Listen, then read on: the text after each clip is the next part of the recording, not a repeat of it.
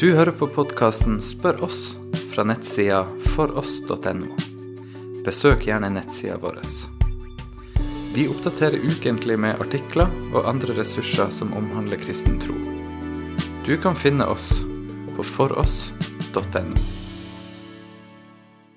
Hei og velkommen til denne andre episoden av podkasten Spør oss. Mitt navn er Ingvald André Kårbø, og jeg skal i dag prøve å svare på følgende spørsmål.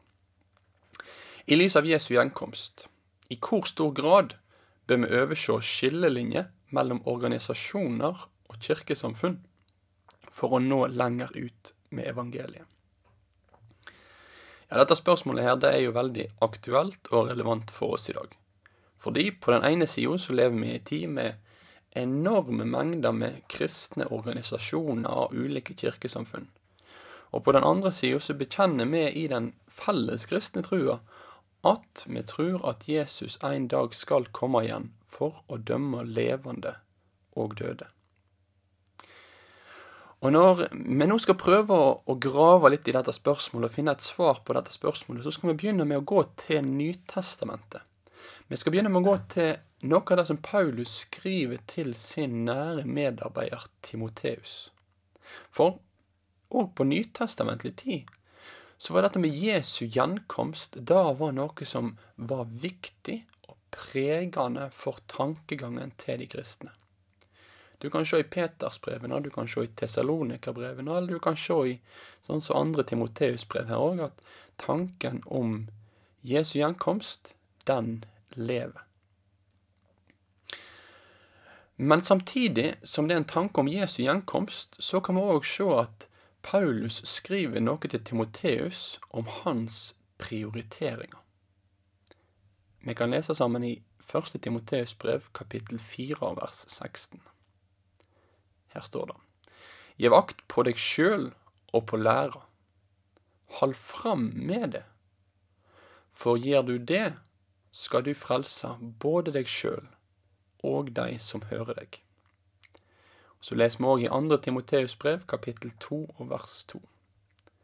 Og det du har hørt av meg framfor mange vitner, skal du gi videre til pålitelige mennesker som er i stand til å lære andre.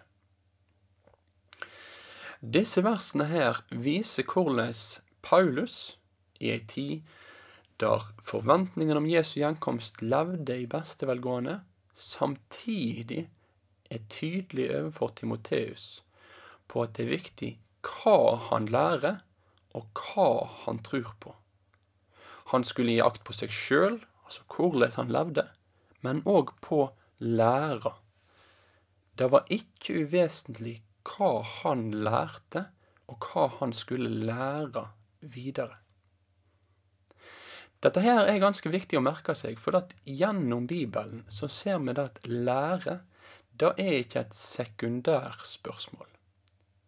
Det er ikke sånn at de nytestamentlige forfatterne var likegyldige til hva en trodde på, og hva en lærte. Nei, det var helt fundamentalt, helt grunnleggende, at en skulle søke å få en rett forståelse av den kristne trua og stå fast i den. Og Dette er det første poenget mitt, at Bibelen er tydelig på at hva vi lærer, det er viktig.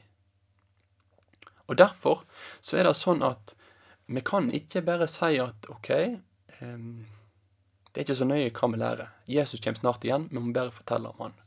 Nei, sann lære er noe som vi òg i vår tid bør vektlegge. Så var dette spørsmålet her et spørsmål om samarbeid. Hva skal vi tenke om samarbeid i vår tid?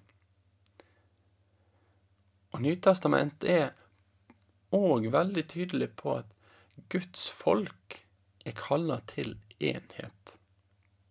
Jesu øverste prestelige bønn er kanskje det mest kjente eksempelet på dette her, der han ber for de som skal komme til tru, om at de må være ett og egentlig hele første korinterbrev òg et brev som handler om enhet.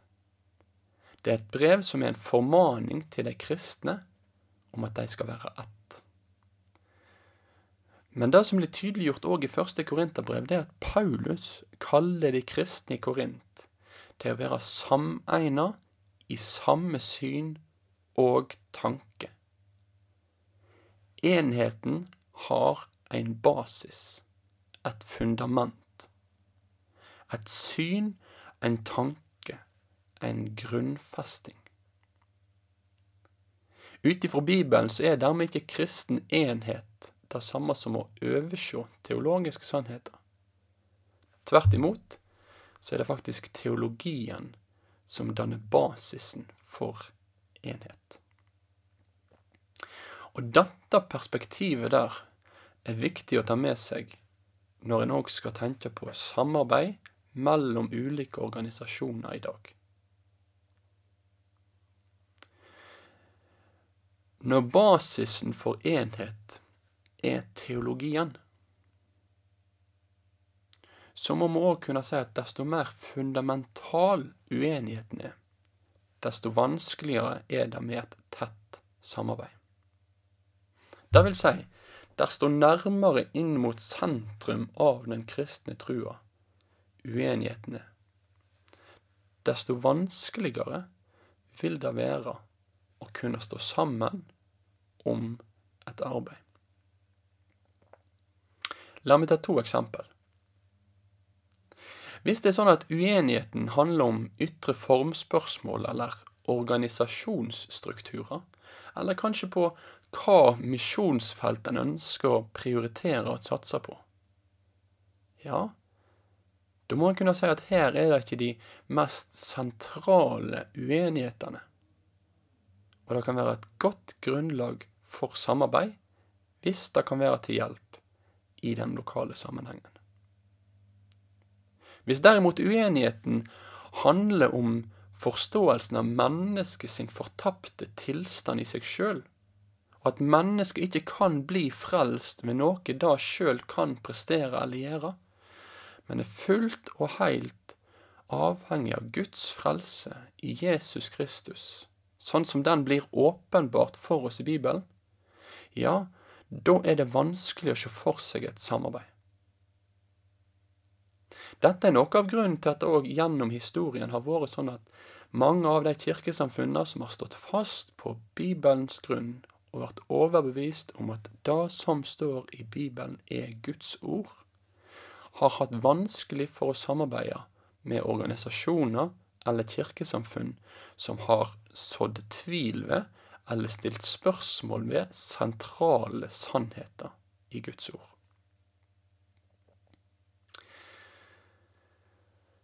Til slutt, samtidig så skal vi få være oppmerksom på det, at mange av de organisasjonene som har blitt oppretta, de har blitt oppretta med misjon som sitt siktemål. Det har vært enkeltmennesker og grupper av personer som har fått spesielle kall lagt innover seg. Og så har disse menneskene i lydighet fulgt Herren langs den veien. Derfor skal vi være forsiktige med å si at ulike organisasjoner er til hinder for misjon. Tvert imot så kan de òg få være verktøy for at ordet om korset kan nå ut til verdens ende. Du har nå hørt podkasten Spør oss. Still flere spørsmål, se andre ressurser, og vær gjerne med å støtte oss på foross.no. .no.